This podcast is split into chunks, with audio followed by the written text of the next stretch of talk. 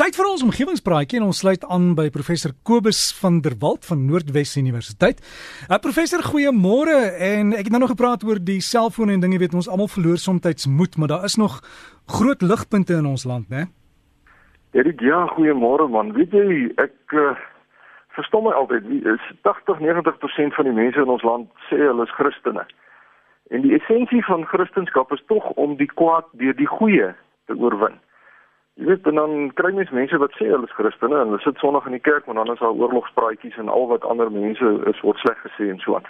Dit pas net nie. Dit, dit werk net nie so nie en ek glo dit ook nie want daar is by verre, by verre meer goeie mense in Suid-Afrika as slegte mense. Die slegte mense is ongelukkig die spul wat gereeld in die nuus is en so aan.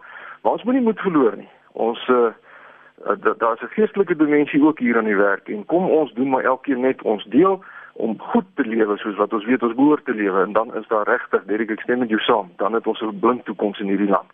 Maar nou ja, deel van die blink toekoms wat ons moet bewerk is om ons land skoner te kry en ek wil vanoggend juist praat oor 'n berig wat ek nou onlangs in 'n gesaghebende mediese joernaal uh, Lancet raak gelees het.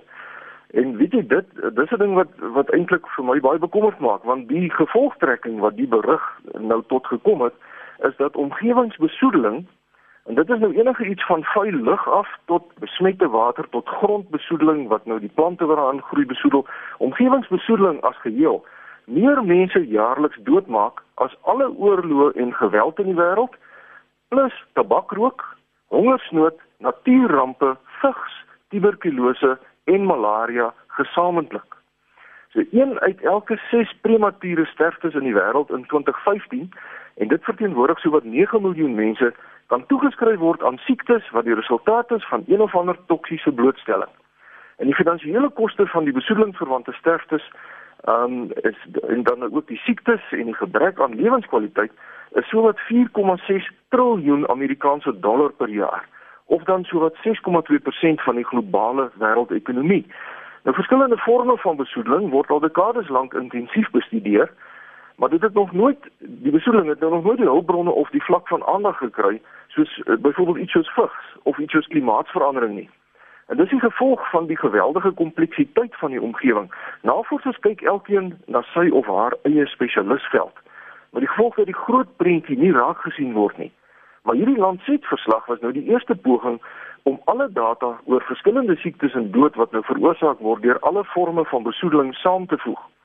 En die verslag sê dat die 9 miljoen voortydige sterftes per jaar uh, baie konservatief is en die die inligting tot die beskikking gaan weer na gekyk word want hulle gaan hulle vermoed is ongetwyfeld meer mense en hulle sal dit dan nou weer kwantifiseer na mate nuwe metodes vir die beoordeling van skadelike impakte ontwikkel word.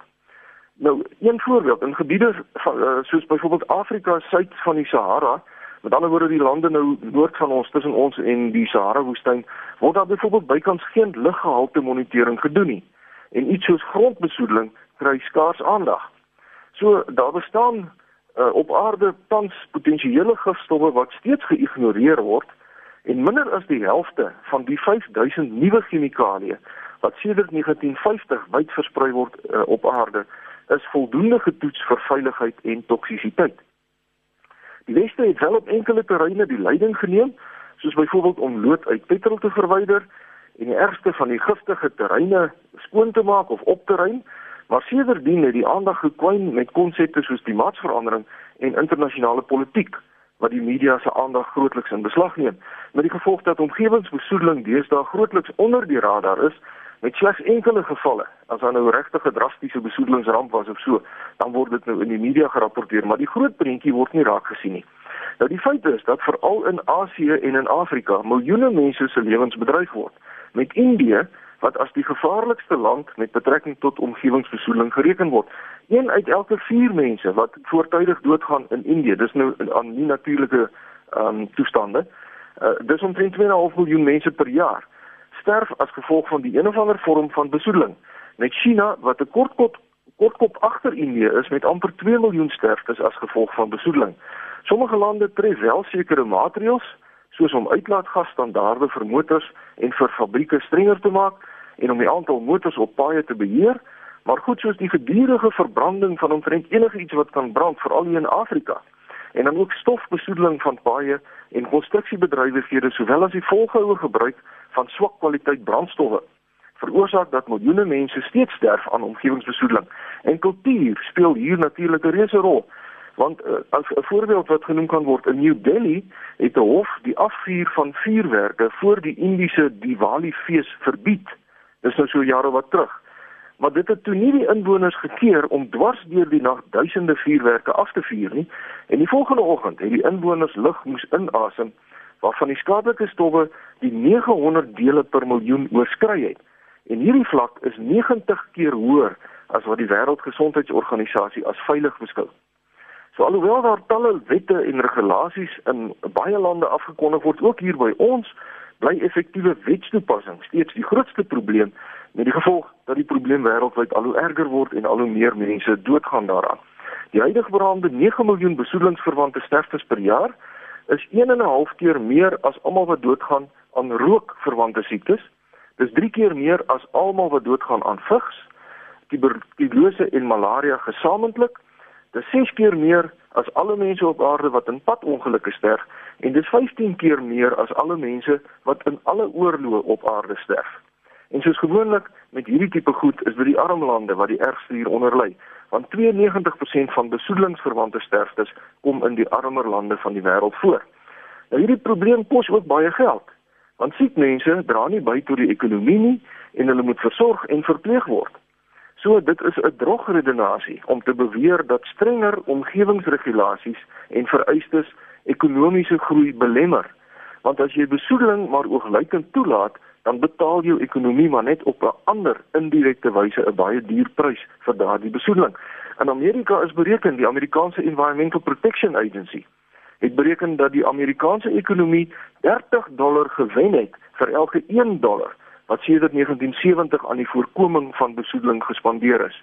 En die verwydering van lood uit petrol uh, het uh, dis nou maar een voorbeeld, hierdie Amerikaanse ekonomie sedert 1980 'n kumulatiewe hupstoot van 6 trilljoen dollar gegee omdat daar baie minder mense was wat aan loodverwante siektes toegelei het.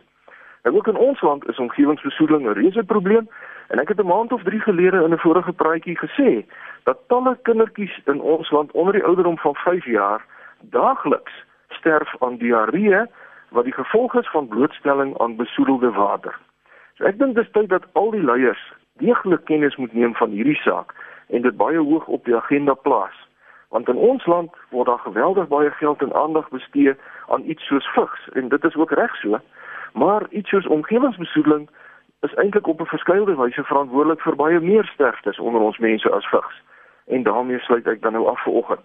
Uh, om so 'n kindervriende kan gerus vir my skryf by kobus.vanderwalt by nwu.ac.za of u kan verdere besonderhede kry op Facebook se omgewingspraatjiesblad. En Derek vir jou en al ons luisteraars vriendelike groete en 'n wonderlike dag tot 'n volgende keer. Baie dankie aan professor Kobus van der Walt vir die omgewingspraatjie en Dries van Pretoria SMS nou sê die professor het politieke besoedeling uitgelaat. Ja Dries, dankie vir daai ene. Onthou die Facebook bladsy is omgewingspraatjies, die meervoud. Gaan hou van die groep en jy kan al die gesprekke daar volg en ook kontak maak via die Facebook bladsy met professor Kobus.